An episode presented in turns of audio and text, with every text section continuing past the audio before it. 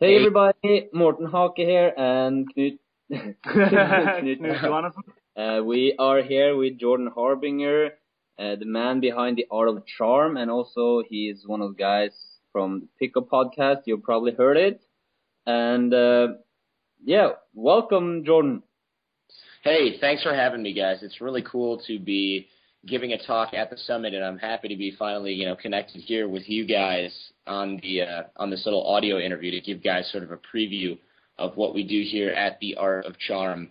Um, just by way of background, I've been a professional broadcaster and also a social dynamics teacher here in the United States, so New York and Los Angeles, for the Yeah. past four years. Um, it's actually just to give guys a little bit of, of background on on the show. I used Mm. to be a, an attorney, a finance attorney, and before that, obviously, I was in law school studying law, and I really didn't like a lot of the people that I was studying with. And it wasn't that they were bad people or anything. It was just that it was a really closed little tight circle. And I thought, man, there's always like a couple guys that I see out when I go to parties who are talking to everyone. And Yeah. it's really cool. Those guys seem really cool. And like I went to, I had a girlfriend at the time and we, we went to Japan because she was working there and you know, there was this guy at the party and he was hilarious and everyone seemed to love him. And I, and you know, my girlfriend at the time was like, man, th- that guy's so funny. He's so funny. And I was like, that guy is cool. And she's like, he's a lot like you. And I thought, no, he's not. I couldn't go up to the group of strangers at a party and chat them up and have them all laughing. And she's like, of course you could. I see you do it all the time. And I realized that I do this sort of thing, but only when I already know people and only, you know, she already had this sort of higher opinion of me because we were dating. And I thought, you know what? I'm going to learn how to do that.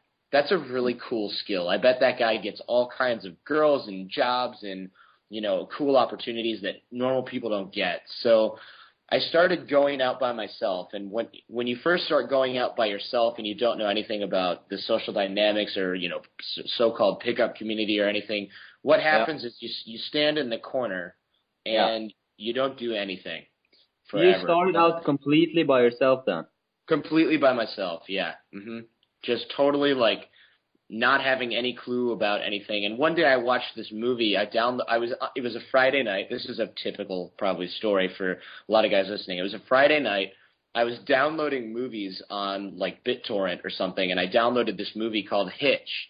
Okay. And um, as it turned out, my friend's uh, AJ's friend, AJ, my co-host on the show, his friend had written this movie, and I was like, oh yeah, I remember hearing about this. Maybe I should read this or watch this.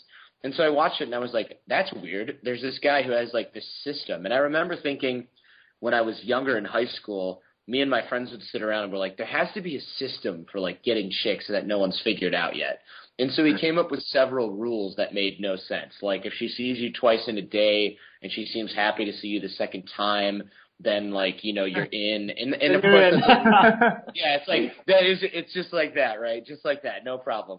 But um, you know what we were really seeing there, looking back at it, was obviously if she's happy to see you the second time, we're thinking, okay, you know, this was subconsciously we were seeing that she was attracted to us, but we had no idea how that part happened or anything.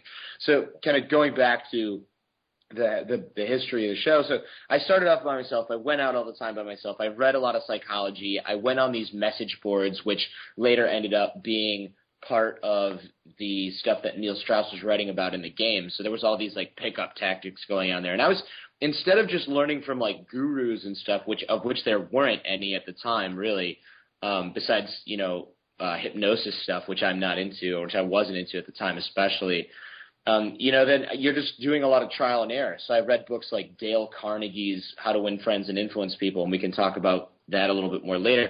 And I thought, okay, these principles are really cool, but they haven't been updated since like 1945. But I guess people haven't really updated since then either. So you know, we're good, we're good. So I kept using those and making friends, and and realizing that by putting these certain principles into action, people were starting to like me. I was starting to get attention from other girls and you know I had this long distance relationship that was sort of open going on with my girlfriend who lived in Japan. And Yeah. so I was like, wow, I'm enjoying a lot of social success. You know, everyone in law school is like, wow, you really came out of your shell this year. And I thought, this is working out for me. And um, so I met it- AJ. Go ahead. There's a there's like a important thing there is that you you you learned and you read and you but you also took action there. You know, there's some people get stuck in the in the learning part or reading part or getting information part, and then they get stuck in the applying the action in not applying the the, the, the knowledge into action. But you did it from the beginning, or was that like a challenge for you? That was a real challenge for me. But I will tell you, the the biggest mistake that I met, um, that I made, sorry, was at first I started going out talking to people, and and I, I made it a point. This is like a small baby step. I made it a point in the we where I went to law school, we had a cafeteria where everyone ate together. It actually looks like Hogwarts. Um, I'm sure everyone's seen Harry Potter, yeah. and because uh, it is modeled after Oxford, so it's actually the same or Cambridge or whatever. So it's like the same setup with the big wooden tables. So I made it a point every day for both of my meals, lunch and dinner, to sit with people that I'd never met before for like wow. the first couple of months. So after the first few months, even though I wasn't the most talkative person at the table, I had introduced myself or people had introduced themselves to me, and I knew almost everyone in the entire school. Uh, who had who, any eh, eh, sorry any anyone who, in the entire school who ate in the cafeteria. A lot of people lived on their own and stuff.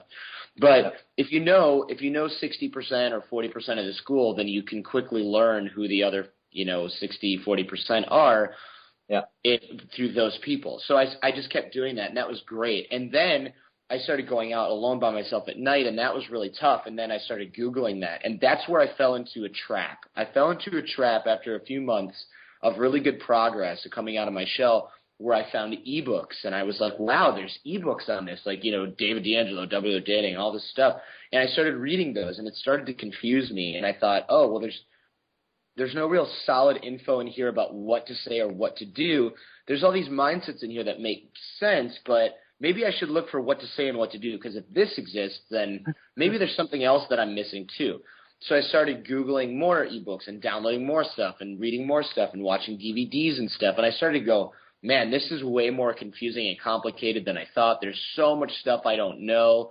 Maybe yeah. I should stop going out until I've read all this. So I wasted like six months reading and watching DVDs and taking notes. And I've got this notebook that I've never looked at full of notes that are like stand up straight and drop your jaw down 94 eh, you know increments of a millimeter and then you know make eye contact for 2 nanoseconds but then you know look upwards and to the left. And I'm just like trying to do all this stuff and it turned me into like a weirdo. And a lot of my friends are like are you okay man? It seems like you have an anxiety issue. And I'm like oh well you know I'm in law school. And they're like yeah, yeah, that might be it. But really, it wasn't so much the school. It was me trying to like roboticize every single one of my movements and thoughts. And so then I met I met AJ uh, uh, on my birthday, and we started hanging out like every night. You know, sort of reconnected, and we started going out, and he was like, "Man, you're really in your head." And I was like, "What do you mean?" And he's like, "You think a lot about this stuff, and it's great because we were spending like five hours a day discussing social dynamics and going out to bars and like talking to girls and making friends with people." And he's like, "You know, a lot of the concepts that you know are really solid." Because I'd read a lot of good stuff and I I knew a lot of good stuff and I had experienced a lot of good stuff and he's like, but a lot of what you know is totally useless and probably not true. So I would be, I would quote something, and he'd be like, "No, let's test that. Let's test that. That doesn't sound right to me." Because he grew up really, really good with girls, and that was something that I was always like, "Wow, that must have been really cool." You know, he he grew up with tons of girlfriends and tons of friends that were, you know, female, that were platonic, and and everything. So I thought, wow, you know, this guy can teach a lot. And he he would always get approached by girls, and I never knew what the hell was going on.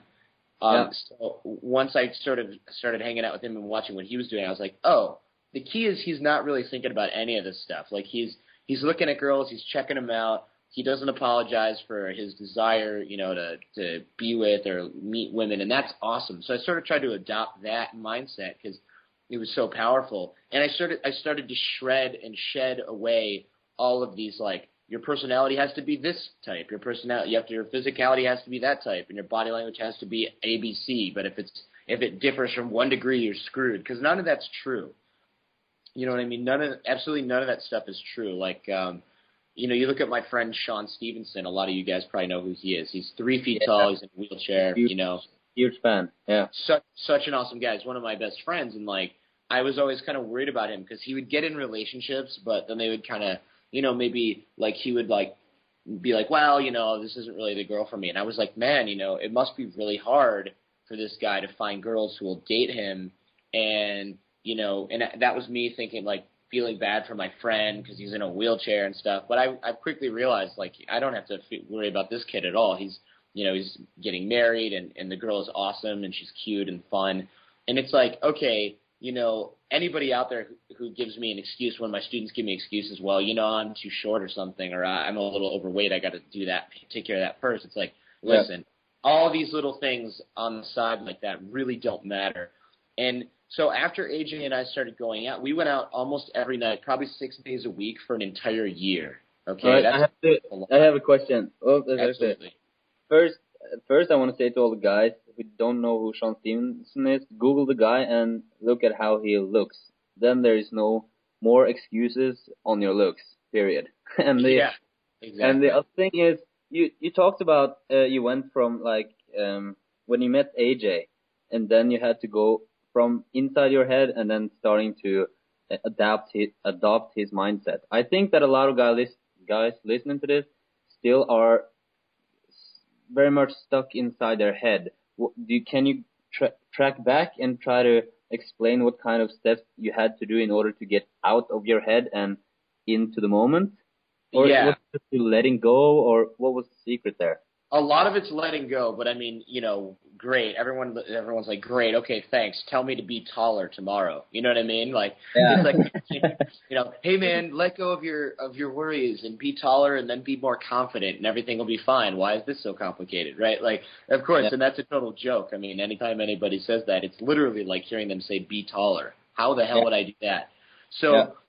So letting go, yeah, of course that's the key, right? But but how does one let go? How do you how do you go from someone who's constantly thinking about what other people are thinking about them? So in other words, how do you go from someone who walks to the into the post office and say, and someone looks behind them, and you think, oh, I bet she thinks I'm short or that I'm ugly or maybe my breath is bad or maybe these clothes are lame. Meanwhile, she was just looking behind her because she was looking for the stamps or because she heard someone walk up behind her in line and it was you. You know, she's not she's not analyzing you or evaluating you too much at all beyond anything that you you know normal people do. And so you know a lot of that has to do with how comfortable and confident you are. Like even to this day when i walk into a bar and i see a cute girl and she's looking at me i'm yeah. thinking oh this girl's attracted to me. But it took me a long time to go from to to go to get to this mindset versus having a girl look at me and go and me thinking, oh, I I bet you that she's like, who's this weirdo who just walked in here? You know, what's this guy's deal? Oh, you know, this bar, you know, anybody can get in here. I probably would have thought that, you know, six six years ago, seven years ago, or something like that, immediately. Yeah. And I remember when I was in middle school, it was the worst. Like when I was really young, I, I just wanted to be invisible. I really, I would have given any thing in the world to just be able to disappear for that entire period of my life. It was awful. And wow. I know that I'm not the only one who who feels that way. You know what I mean? When especially as a kid, because kids are kids kids are the worst. At least adults are polite enough to oftentimes not say anything, but kids are kids are like, no one likes you and you have no friends, and you're just like, thanks for highlighting that again. oh my god, yeah. you know what so I mean? Bad. Thanks for putting that out there. Mhm. Exactly. So like, you know, yes, letting go is the key, but but how do we do that? And, and really, one of the ways to do that that that I found is just straight up through practice. I mean, you're gonna go out. Like I went out, like I said, with AJ six nights a week for over a year. That's extreme. But if you can get yourself out of the house a few times a week, and if you're going out during the day and talking to people, even if you are so in your head and you're a super weird guy, you know, even if you're one of those guys, let's say you're like, you know, totally on the the, the end of the weirdo spectrum, if anyone out there might might be, you wouldn't even know it, first of all. And secondly, people are going to react to you positively most of the time, especially if you're going up to them and you're saying normal things. You're not trying to do scripted stuff that makes people sound weird and makes people weirder. Like, who would win in a fight between Jesus and Gandhi? That's not really something that normal people talk about. And you're trying to set yourself apart. I know I've seen this at bars. Obviously, I didn't make that up. And women normally think that's a weird question and that you're a weird guy for asking it, when really you could have walked up and introduced yourself and you'd be much better off. And so the letting go is really tough because we've grown up, a lot of us, with this sort of internal dialogue that is not helpful. And going back to what Sean Stephenson said one time to me, which I think is brilliant, He said, if you talk to your friends the way you talk to yourself, you probably wouldn't have any friends. yeah. and and so think about that. Think about the way you talk to yourself. Would you want to be your friend if if your if your internal dialogue was something separate from you? Would you want to hang out with that person? And most of us are probably thinking, hell no. My internal dialogue says you're too fat and you shouldn't eat that, and you're you know you're too short and no girls are gonna like you and you're unlovable and that you need to shave and you need a haircut and your clothes are ugly. You'd never want to hang out with that person, right? Just imagine like your friend going around saying like, "Oh, you're not gonna do, you're not gonna get it, never gonna make it, you're never gonna make it." exactly, and, and and another thing that that really helped, and and this is a really painful and difficult part of the process of letting go is a lot of times when you start to change, and, and AJ and I both had to do this, when you start to change, a lot of times you have to let go of people that are holding you back. And like I like I said with the you know don't talk to yourself the way uh, or rather don't talk to your friends the way you talk to yourself. I had friends, one of my best friends growing up. He was always the guy who would say, "Yeah, you can approach that girl, but you're just going to look like an idiot." Or, "Yeah, you know, that girl is never going to go out with you. She's got a boyfriend who's like this tall, good-looking, preppy guy, so you might as well forget it." I had that guy. That was a real person in my life, not just my internal dialogue. So everything I thought about in terms of not being able to succeed with people or in even in school or in jobs or anything like that was consistently verified by my best friend at the time and that's not cool. So i had to uh I, when i went to college um he was there but when i went to graduate school he was not there. And um you know i it's no coincidence that i was able to come out of my shell big time when i didn't have that influence around me. And you know there were other people like that in my life that I had to just say, hey man, you know, I'm really busy with law school these days, and also like, you know, a lot of times your negativity really gets me down. I'm willing to help you, you know, break out of that. I, I'm trying to do so. It takes a lot of work, and all of those people, except for one guy, said, you know what, you're right. This hasn't been good for me. I'm in. Show me what's show me what you're learning, and I'll do it too. And but most of them, you know, nine out of ten or whatever, or four out of five or however many people it was they just went, oh, now you think you're really cool because you're learning all this psychology. Well, that stuff's bullshit. It's not going to work anyway. And I was like, okay, well, if you change your mind, you you got my phone number, but don't call me anymore unless you unless you're willing to be normal. And I haven't heard from a lot of those people since. And you know, you hear through mutual friends, oh, so and so's not doing so good, or so and so turned into a real jerk. And it's like, yeah, he was kind of always like that. It's just that now it's worse, probably. And I'm really glad. I'm, I've never, I don't know if I've ever been happier than I am now. And even though I have all this stress involved in running my own business with the guys and everything here at the Art of Charm, I don't think I've ever been happier in terms of just being confident and walking into a room and being like, I'm adding value to what's here, and I'm going to be able to make friends easily because that's who I am. But that took yeah. years of work. It really did take years. So there's no, there is no such thing as a magic bullet solution. All we can do is teach guys our own sort of mental process in our path and hope that they are able to uh, stay on it with us. Hmm. Exactly. That's that's. I mean, it could be a challenge. I think it could be a huge challenge for a lot of guys to let go of some people in their life because sometimes you get addicted to uh, being around that kind of environment, and also for me it was like um, uh, when it comes to people that were like dragging me down or taken energy from me or whatever you should call it. Um, some I had to figure, I had to understand that these people does not necessarily do it to hurt you, but they are some in some way fulfilling their needs uh, in some way. Maybe they feel more significant from doing it, or maybe they feel whatever they feel. They they are just doing it um, because of the, the resources they have, and I need in my mind, I had to understand them in order to move on. Because if I never understood them, it was like just telling people to fuck off, and that's that didn't work for me. But yeah, it could be a challenge for people to let those kind of people go. I think. Yeah. It, yeah. No, it was huge for me as well to to to let go of a lot of people, and then I was really afraid of how they were going to judge me when I, you know, oh, like almost came out of the closet and telling everybody I was doing this self development and game stuff. Um, and I was really afraid how people are going to react on it. The thing is that a lot of people reacted, but then two, three, four months after, you know, your real friends uh, came to you again, and it was then they were actually interested because they could see that you are for real. This is who you are, and you're actually doing something good. You're actually pursuing some Mm. your goals, and it's it's real, you know. Yeah, and then, and then these and then some of the other people came back as clients later on, which is also cool. Yeah. yeah, that's that's the coolest one, right? Because it pays the rent.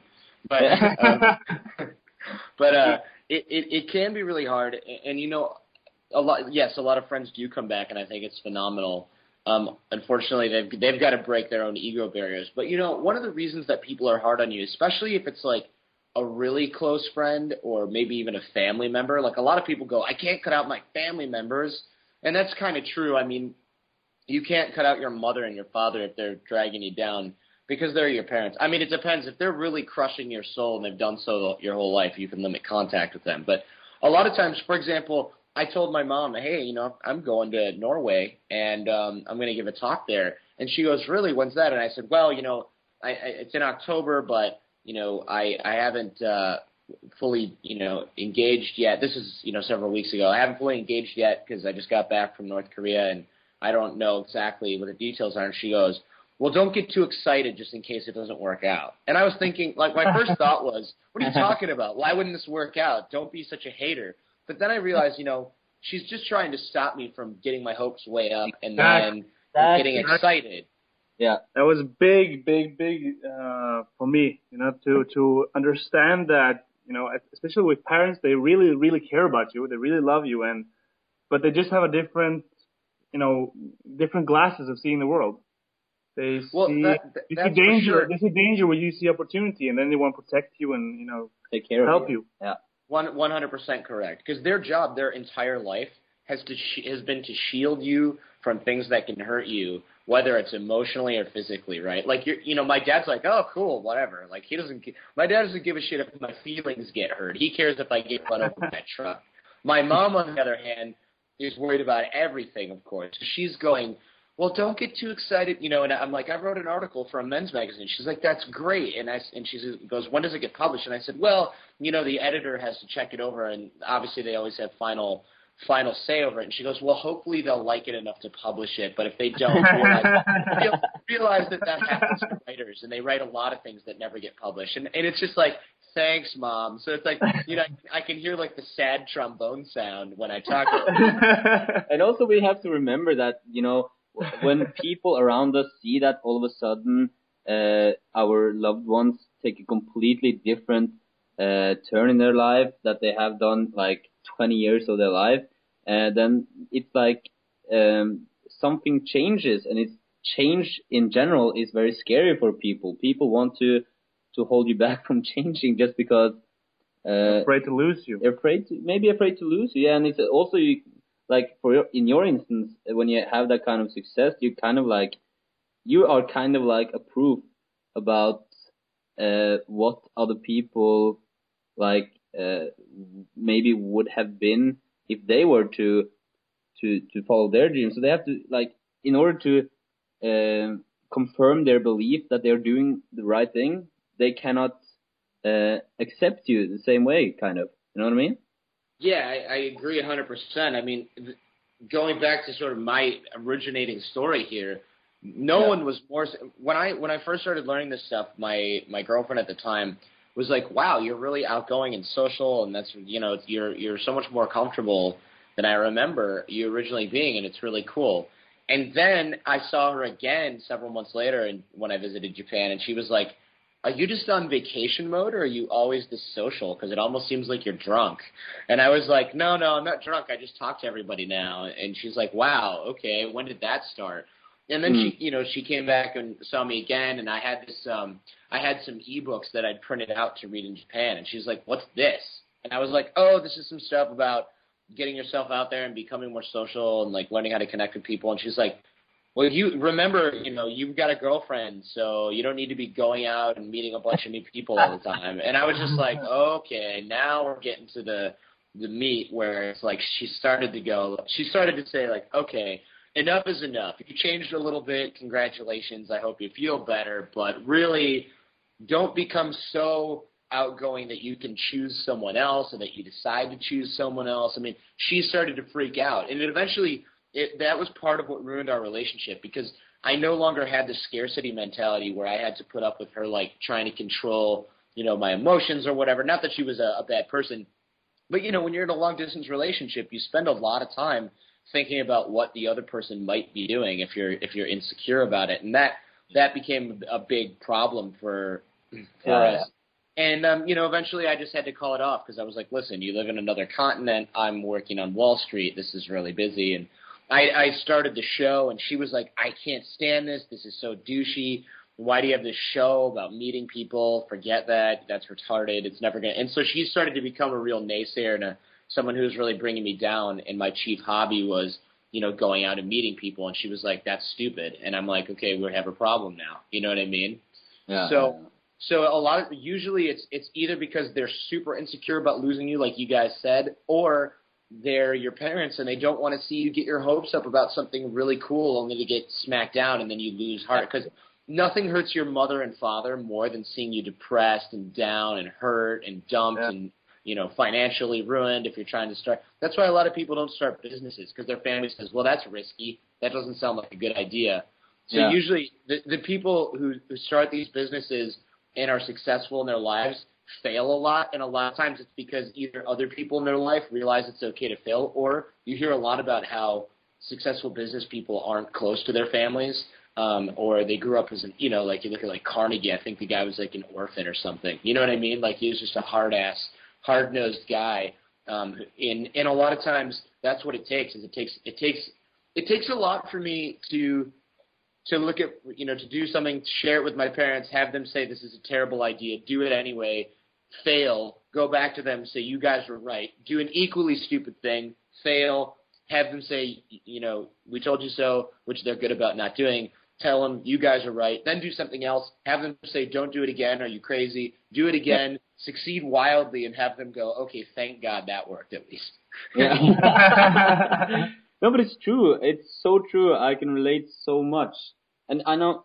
I mean, the, I feel that like a huge learning point from this is like uh, uh, letting people change and inspire people to change is some of the the biggest gift you can give to someone. If you're in a relationship or even your friends or your family, if you can like love them equally and uh, be as happy as them when they change and like you know love them for who they really are even though they are changing and whatever that's like the best gift one of the best gifts you can give to some someone because then you're like really showing that you really appreciate them for who they are Exactly. Yeah, it it is really tough a lot of the time to appreciate someone's changes because you know, last but not least, the third type of person that you have to leave behind is the is the person that doesn't want you to change, not only due to their own insecurity, but due to the fact that you've now officially highlighted what they have failed to do.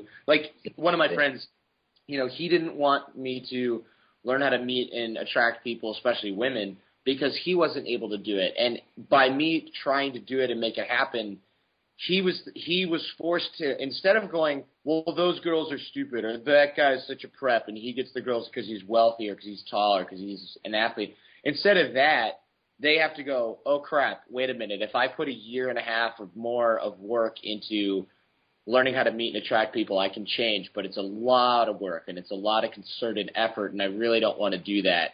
It's easier for them to make one excuse than it is the other uh, to take action on the other hand. And if you highlight the fact that it's possible to change by taking action, that's like the last thing those people want in their life because then they're they're forced to say, "Well, Jordan changed because he took action." and I'm making a choice not to take action. They can they can no longer say, well, so and so just has a lot of money and that's why he's successful with people. They they Yeah. can't say that anymore because I've shown that hey, I don't have any money. You know, I'm a college student, eh, it went like I was back in the day, but now I'm doing great with people. You're, they're forced to realize that they could do it too if they just put their mind to it, and that's scary for them. Exactly. Exactly. You become responsible. Yes, exactly. You become responsible for your own situation in life. And that's tough for a lot of people to realize. I mean, you'll you'll hear from alcoholics and stuff like that. Well, if it wasn't for these my damn boss is so stressing me out all the time, or if it wasn't for my damn kids sapping my life all the time and my wife always nagging, I wouldn't have to drink. Well, you know, I think one of the first parts of Alcoholics Anonymous is realizing like, hey, it's not your family's fault. You have a, you know, you actually have a disease that you can overcome if you just come to these meetings every day or whatever, you know. And a lot of times people say, okay, I realize that this is, I'm just totally lying to myself. You know what I mean? And that's important that's important. A lot of us guys, our our egos are huge. Male ego is a toughie, and uh, to get over that is uh, is pretty damn tricky. I mean, it's yeah. it's it's tough.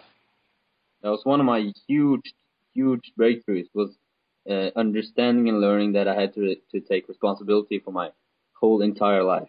That was like my past, my my my friends, my present, everything. You know. Yeah. Uh, yeah.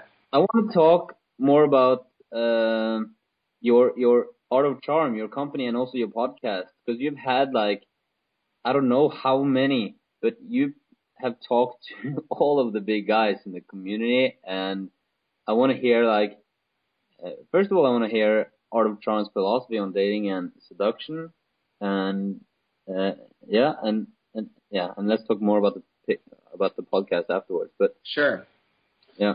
So, so the art of charm is the company started due to the demand that was created by the podcast. So the podcast was started because AJ and I were going out every night and talking about this stuff every night.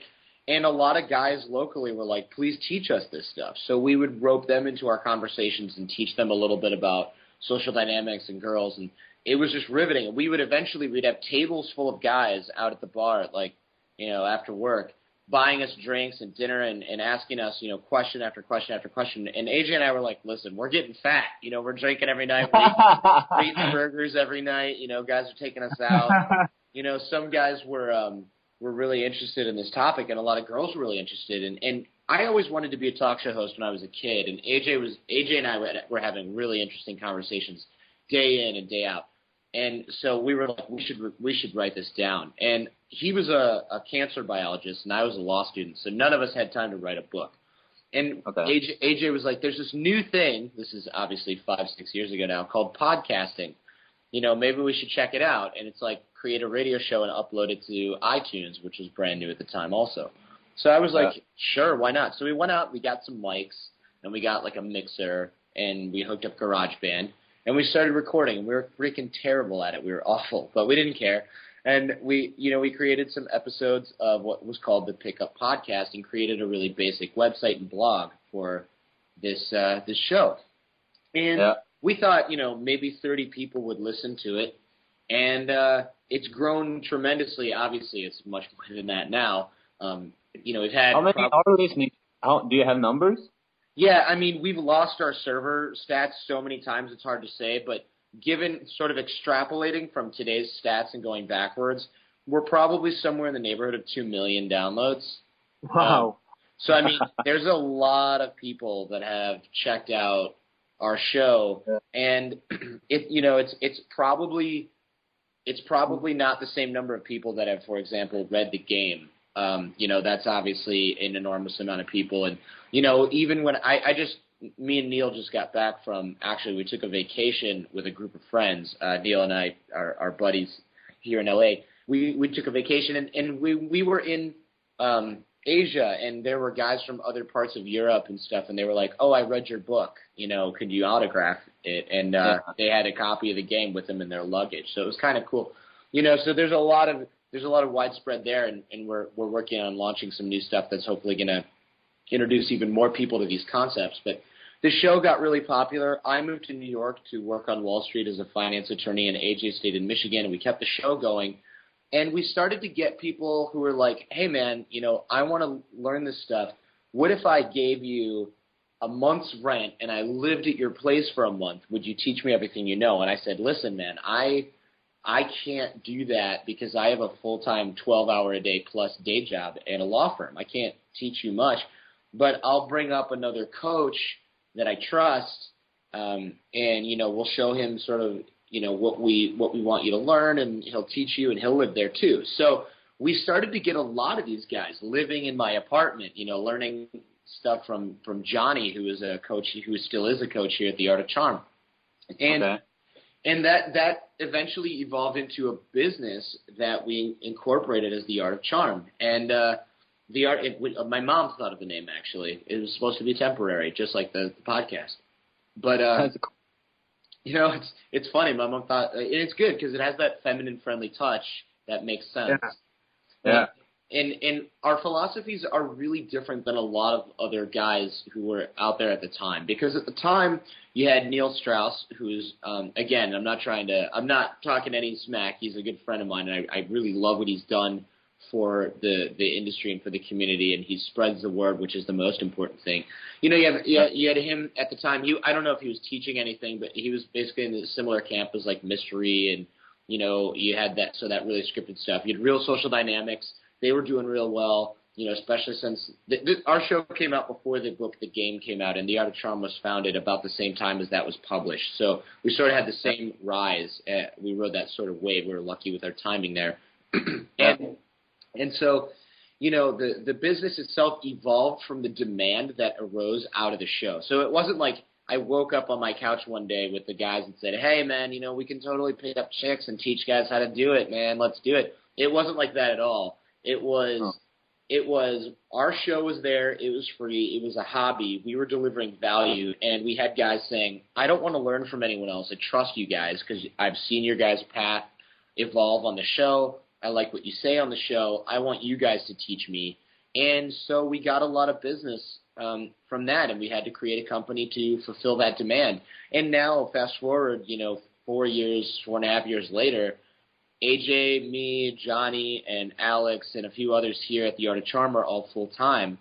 And um, we, you know, we we don't have our regular jobs anymore. We live in Los Angeles. The guys are in New York right now, running some programs, and our show is bigger than ever. We spent three years on satellite radio, which goes all over the U.S. and Canada, and has 35 million subscribers. So we went Wow. Wow. we went from the basement to satellite radio in in a year, uh, less than a year, which is fantastic.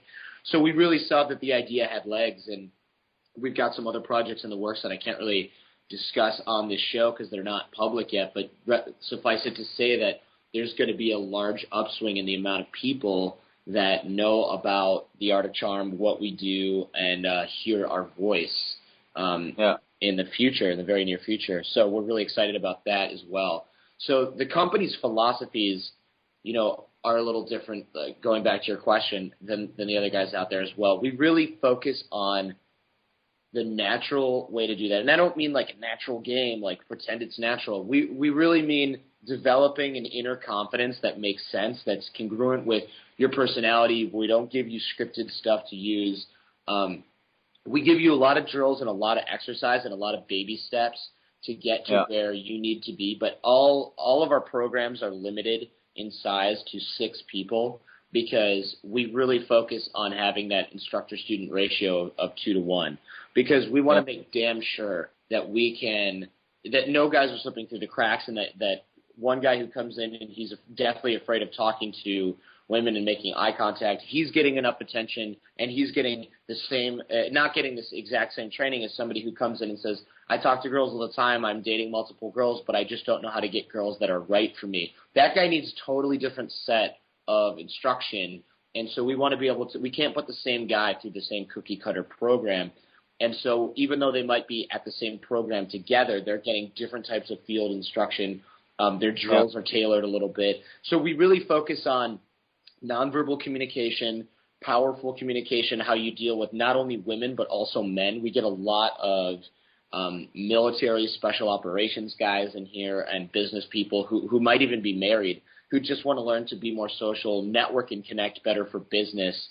And Yeah, be And- charming. Yeah. and, and be charming and learn how to deal with difficult people. We spend a large Yeah. part of the course learning how to deal with maybe your boss is a really quiet guy and maybe he's nice to your face, but then he turns around and he says, "Oh well, you know, Morten doesn't work hard and he took off early on Friday." And then you say, "Hey man, what was that all about?" And he's like, "I didn't do that. I, I don't know what you're talking about." You know, we teach you how to Yeah. deal with that type of guy. Or or maybe there's a guy at work who who's overly competitive and he's thinking, you know, Morten, that guy, you know, he worked he worked till five, so I'm gonna work till six.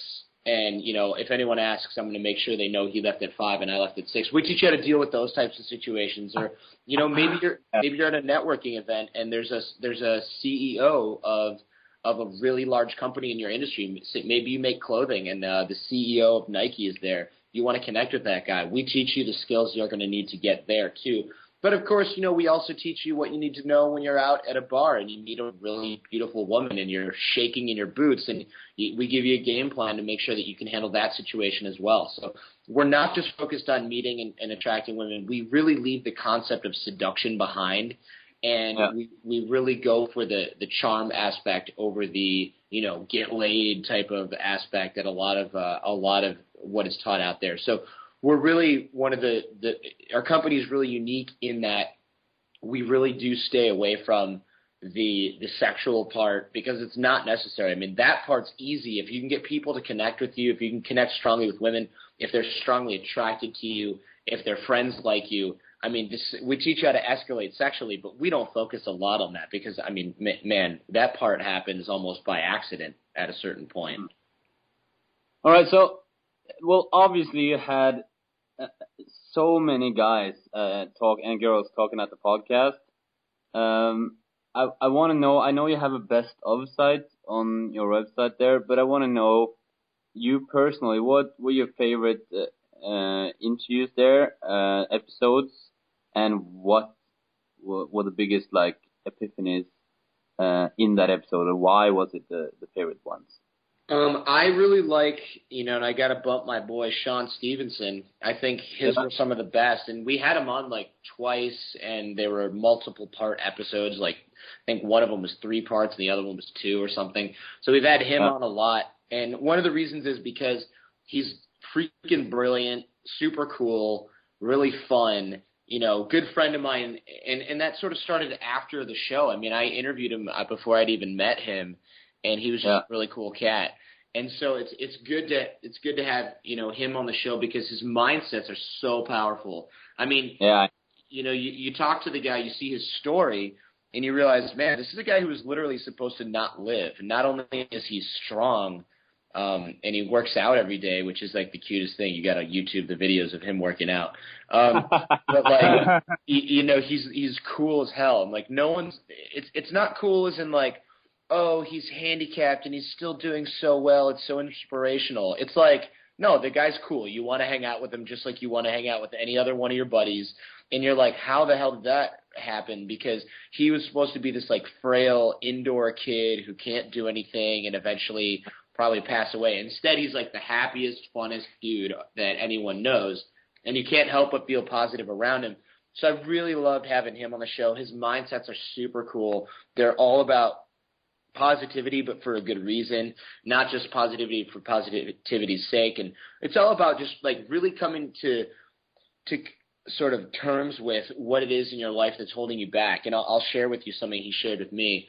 It's like if you're if you're looking for a girl in your life and and you're thinking, okay, what value do I have to offer her? And I don't mean like, oh, I'm wealthy, I can buy her stuff.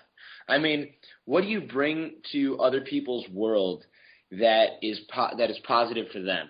Is it because you're interesting and you you're you're funny and they need you know they need that? Is it because you're caring and you're generous eh, eh, with your spirit and they need that? I mean, there's a lot of different things that could be going on there, and that's going to help you match with people. But also, it's like, what are you looking for in a woman? Like, for example, I got to look at. I, I looked at this. I'll, I'll share a little bit about how I did this, even even though it's personal. Um, it's like what are you doing in your life that's maybe stopping you from getting the girls that you want? What qualities do you have that you're looking for that don't match with what you currently have? And it's like yeah. I like personally, I like girls that are you know kind of sporty, they're in good shape, they exercise, and then I'm thinking, okay, when's the last time I exercised? Well, it's been a while, and then it's like. would I date someone who smokes? No, I don't really like that. Well, then maybe I should make damn sure that I'm not out at the bar drinking heavily and smoking because that's going to turn off any girl that I'm looking for. She's going to go, "Oh, this guy was cool, but he smokes." No, I don't, but I was, you know, 7 beers deep and wasted. I don't want a girl who drinks too much and smokes. Well, then maybe I shouldn't do the same thing when I'm out meeting people. And it's like do I want somebody who's got an exciting life? Yeah, of course. I want somebody who's traveled and who does, you know, who enjoys their job. So if you're the type of guy that sits in a basement programming on the computer all day and you never have time for yourself, well, of course you're not going to attract a woman who is a world traveler and loves to be outdoors. If you if you never do any of those things, the odds of that happening are very slim. So you really have to take a good honest look at yourself. Yeah. Yeah, that's so true. It's it's huge. I mean, people ex- or a lot of guys go out, they drink a lot and then they just don't like behave the kind of way that they would expect their dream girl to behave. So exactly what you're saying. How would you then uh, meet those kind of girls? You know. Exactly. I mean, it's it's like you're going out, you're looking for a, a you know, a lot of guys say, I want a nice girl who's a sweetheart and going to be a good mother to future kids because I'm getting to that age where I need that. And so they go out, they drink half a bottle of Jack Daniels, they try and stumble into some girl, grope her ass and whatever, and they're like, oh man, she didn't like me. And these other girls that did like me, but they're crazy. Well, of course they're nuts. They responded to behavior that you would never put up with from anyone else and you would never do when you were sober. And and you're looking for girls in all the wrong places. You know there's a lot of that. It, it, just a sort of anecdote is um or analogy is uh, a guy loses his keys in the parking lot and he's like oh man i lost my keys. And his buddy's like okay let's go look for them so they're they're in the parking lot and they can't see anything. So the guy walks into the street and he stands under the street lamp and he looks for his keys under the street lamp. And the guy says, "Hey man, you know you lost your keys in the parking lot, right?" And the guy says, "Yeah, but there's more light over here. I can see better." And it's like you realize how ridiculous that is. Why would you look for something in a place where you know that they aren't just because it's easier? And yeah. a lot of us, a lot of us do that. We're like, oh well, let's go to the bar and meet people because it's easy there. Yeah, but if you can't meet people during the day, if you're not maybe going to volunteer events, the odds of you meeting a nice girl who's going to be very motherly out at some like crazy electronic music rave where everyone's on E, they're pretty slim. yeah, it's very good said. Very good said. Um, I wanna, I wanna, I wanna end this interview by asking a really uh, a question I love to ask, and uh, it's basically what are your three, what are your three favorite books, and it doesn't have to be like dating related. Okay. Just what are your three favorite books and why? Cool. Uh, first one's first. Uh, Dale Carnegie's How to Win Friends and Influence People.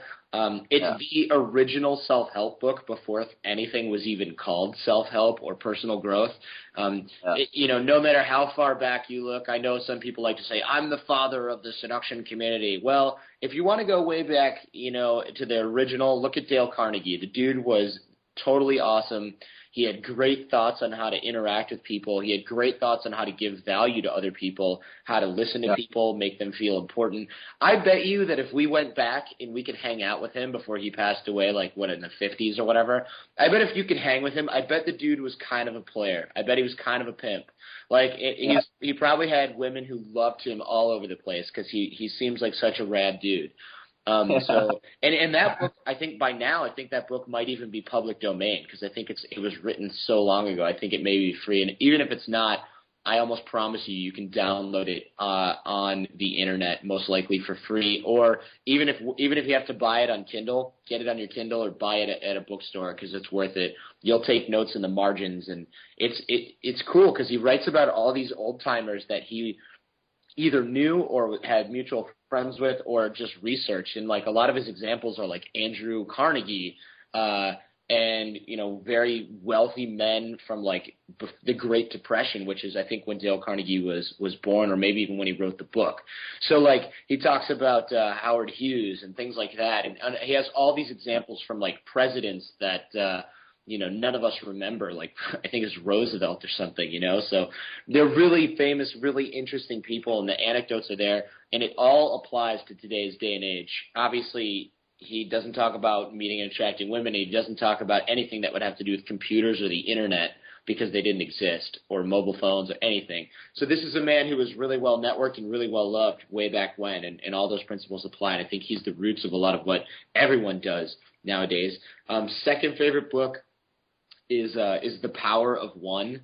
I don't know if you've ever heard of that. It's about a, a kid in South Africa who's a boxer, and uh, okay. it's a really inspirational story about a kid who overcomes. Oh yeah, my sister actually, my sister actually told me about it. Is it like he gets uh, he has a very bad childhood and stuff? Yeah, and he he ends up boxing with all these different sort of ethnic groups in South Africa, but there's always always this mutual respect, and he's respected because he's this really good fighter, but he also realizes how important that is sort of in his life and in the scheme of things. And it's it's a super inspirational book. It's really good. It's hard to put down.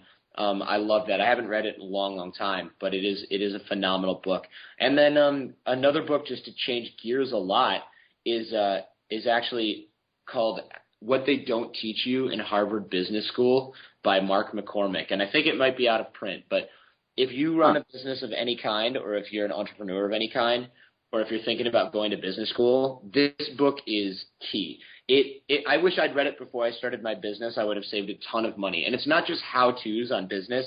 It talks about networking, meeting people, um, doing the right thing when you're when someone does you wrong in a business setting. And this is a guy who is super successful. He talks about how he sort of hustled really cool deals with really famous golfers and stuff when he was a sports manager. And huh. um, it's really important to learn a hustle like that from a guy who's who was really really successful being a hustler. Wow. Yeah. Funny, it's the second time I've been recommended that this two weeks now. Oh, Very really? Good. Really? Yeah. Read that book. Definitely check it out. Yeah, I think that's the move. If, if I'm the second person in two weeks and the book was written, I think probably before you and I were even born, I think that's a good sign. That's a good. all right, that's all right. So, final question: uh, What are you going to talk about at the summit? Talk very quickly about that. Give some um, some some juice from that, and then. Uh, we'll see you in Norway soon. Oh right, okay. So yeah, I almost forgot that I uh, that I was going to give a talk and, and, talk about what I was going to talk about. That's probably important. Um, what I want to do during the summit is I want to give guys some really concrete how tos, and rather than talk about you know inspirational stuff or mindset stuff per se when it comes to going out and meeting people, I want to fill in a little bit of a gap. I know a lot of guys get phone numbers and they might get tons of numbers from girls that they're meeting and they're thinking, okay, cool, but I'm having trouble getting them to go out on dates and or maybe meet up later or maybe even in their relationships they're trying to manage affection, what you know, balance their girlfriend with their job and, and all that stuff. And so what I, I have done here is we have a product here at the Art of Charm. It's called the Textbook, and it's all about keeping women interested via text, uh, turning phone numbers into dates, getting girls to meet up with you after you meet them, even if, especially if you meet them just briefly, like maybe you meet a girl on the metro or the bus or, you know, in a hallway at college or university, and, you know, you want to, you want to meet up with her, but you just don't know how. All you have is yeah. a phone number. We've developed a system that really helps you turn phone numbers into dates. And I want to talk a lot about that at the summit, but it's not just tactics. It's a lot of what it has to do with are the mindsets. Like, do you have a phone number and you think this girl's so hot, I have to go out with her. This is going to be great, and you build it up in your head. And are you making certain mistakes? Is your mindset correct? Because you know the example I gave you earlier when we were discussing my talk is if you're the type of guy that you know is needy when he is in a relationship, that's going to come through via texting, and and also vice versa. If you're the type of guy that's needy when you're texting, are you know yeah. desperate to get a response? Are you really hanging on her every word? Are you typing back too much? Uh, is, are you keeping the balance? If you're the, if you're doing that, you're going to run into those same problems in your friendships, in your relationships. And so I want to address that during my talk while simultaneously giving guys a reason to uh, to learn uh, more about texting as, as, sort of a practical skill set because it's easy. It's easy and it's something that you can easily remedy. It's kind of like the electronic equivalent of hey, you know, here's some quick body language tips, maybe 20 that are going to change the way that people perceive you and the way that you perceive yourself and the way that people react to you. I can do the same thing, but with texting. So I think this is something great that I can really deliver in that short amount of time that I have up on stage at the summit. And um, also, we can give guys some tips uh, to go away with. And there's also a website dedicated to articles about this stuff as well. And of course, guys can uh, check out the product, which is at howtotextgirls.com. And um, it's really affordable, and it's something really easy that guys can use to sort of fill in that hole in their in their interactions with with women. And I think that that's uh, that's something that I'm really excited about discussing in Norway. Uh, aside from just being excited to go to Norway in the first place. There's a lot of beautiful girls here.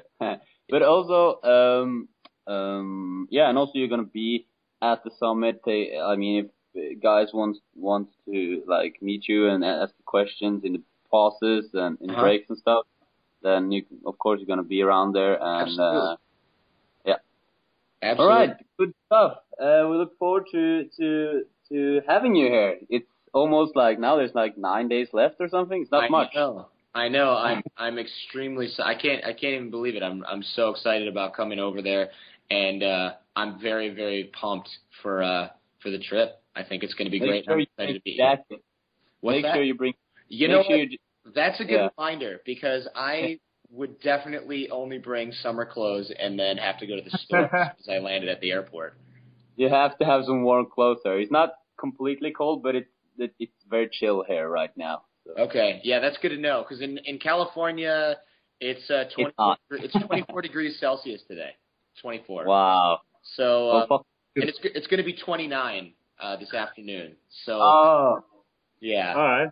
That's Yeah. cool. whatever. yeah, yeah. Well, I'll I'll be the guy who like gets sick immediately upon my return to California. unfortunately, because once I go to a cold place, I was born in Michigan, which is cold and snowy, and then I lived in New York. And as soon as I hit the warm place, it's like, uh oh, okay, gotta like get some vitamin C, drink some orange juice, and make sure that's uh, all set there. You're too lucky. You're too fortunate. All right. Thank you for the interview, and uh, we'll see you in uh, in in like nine days. Looking forward to it, guys. All right.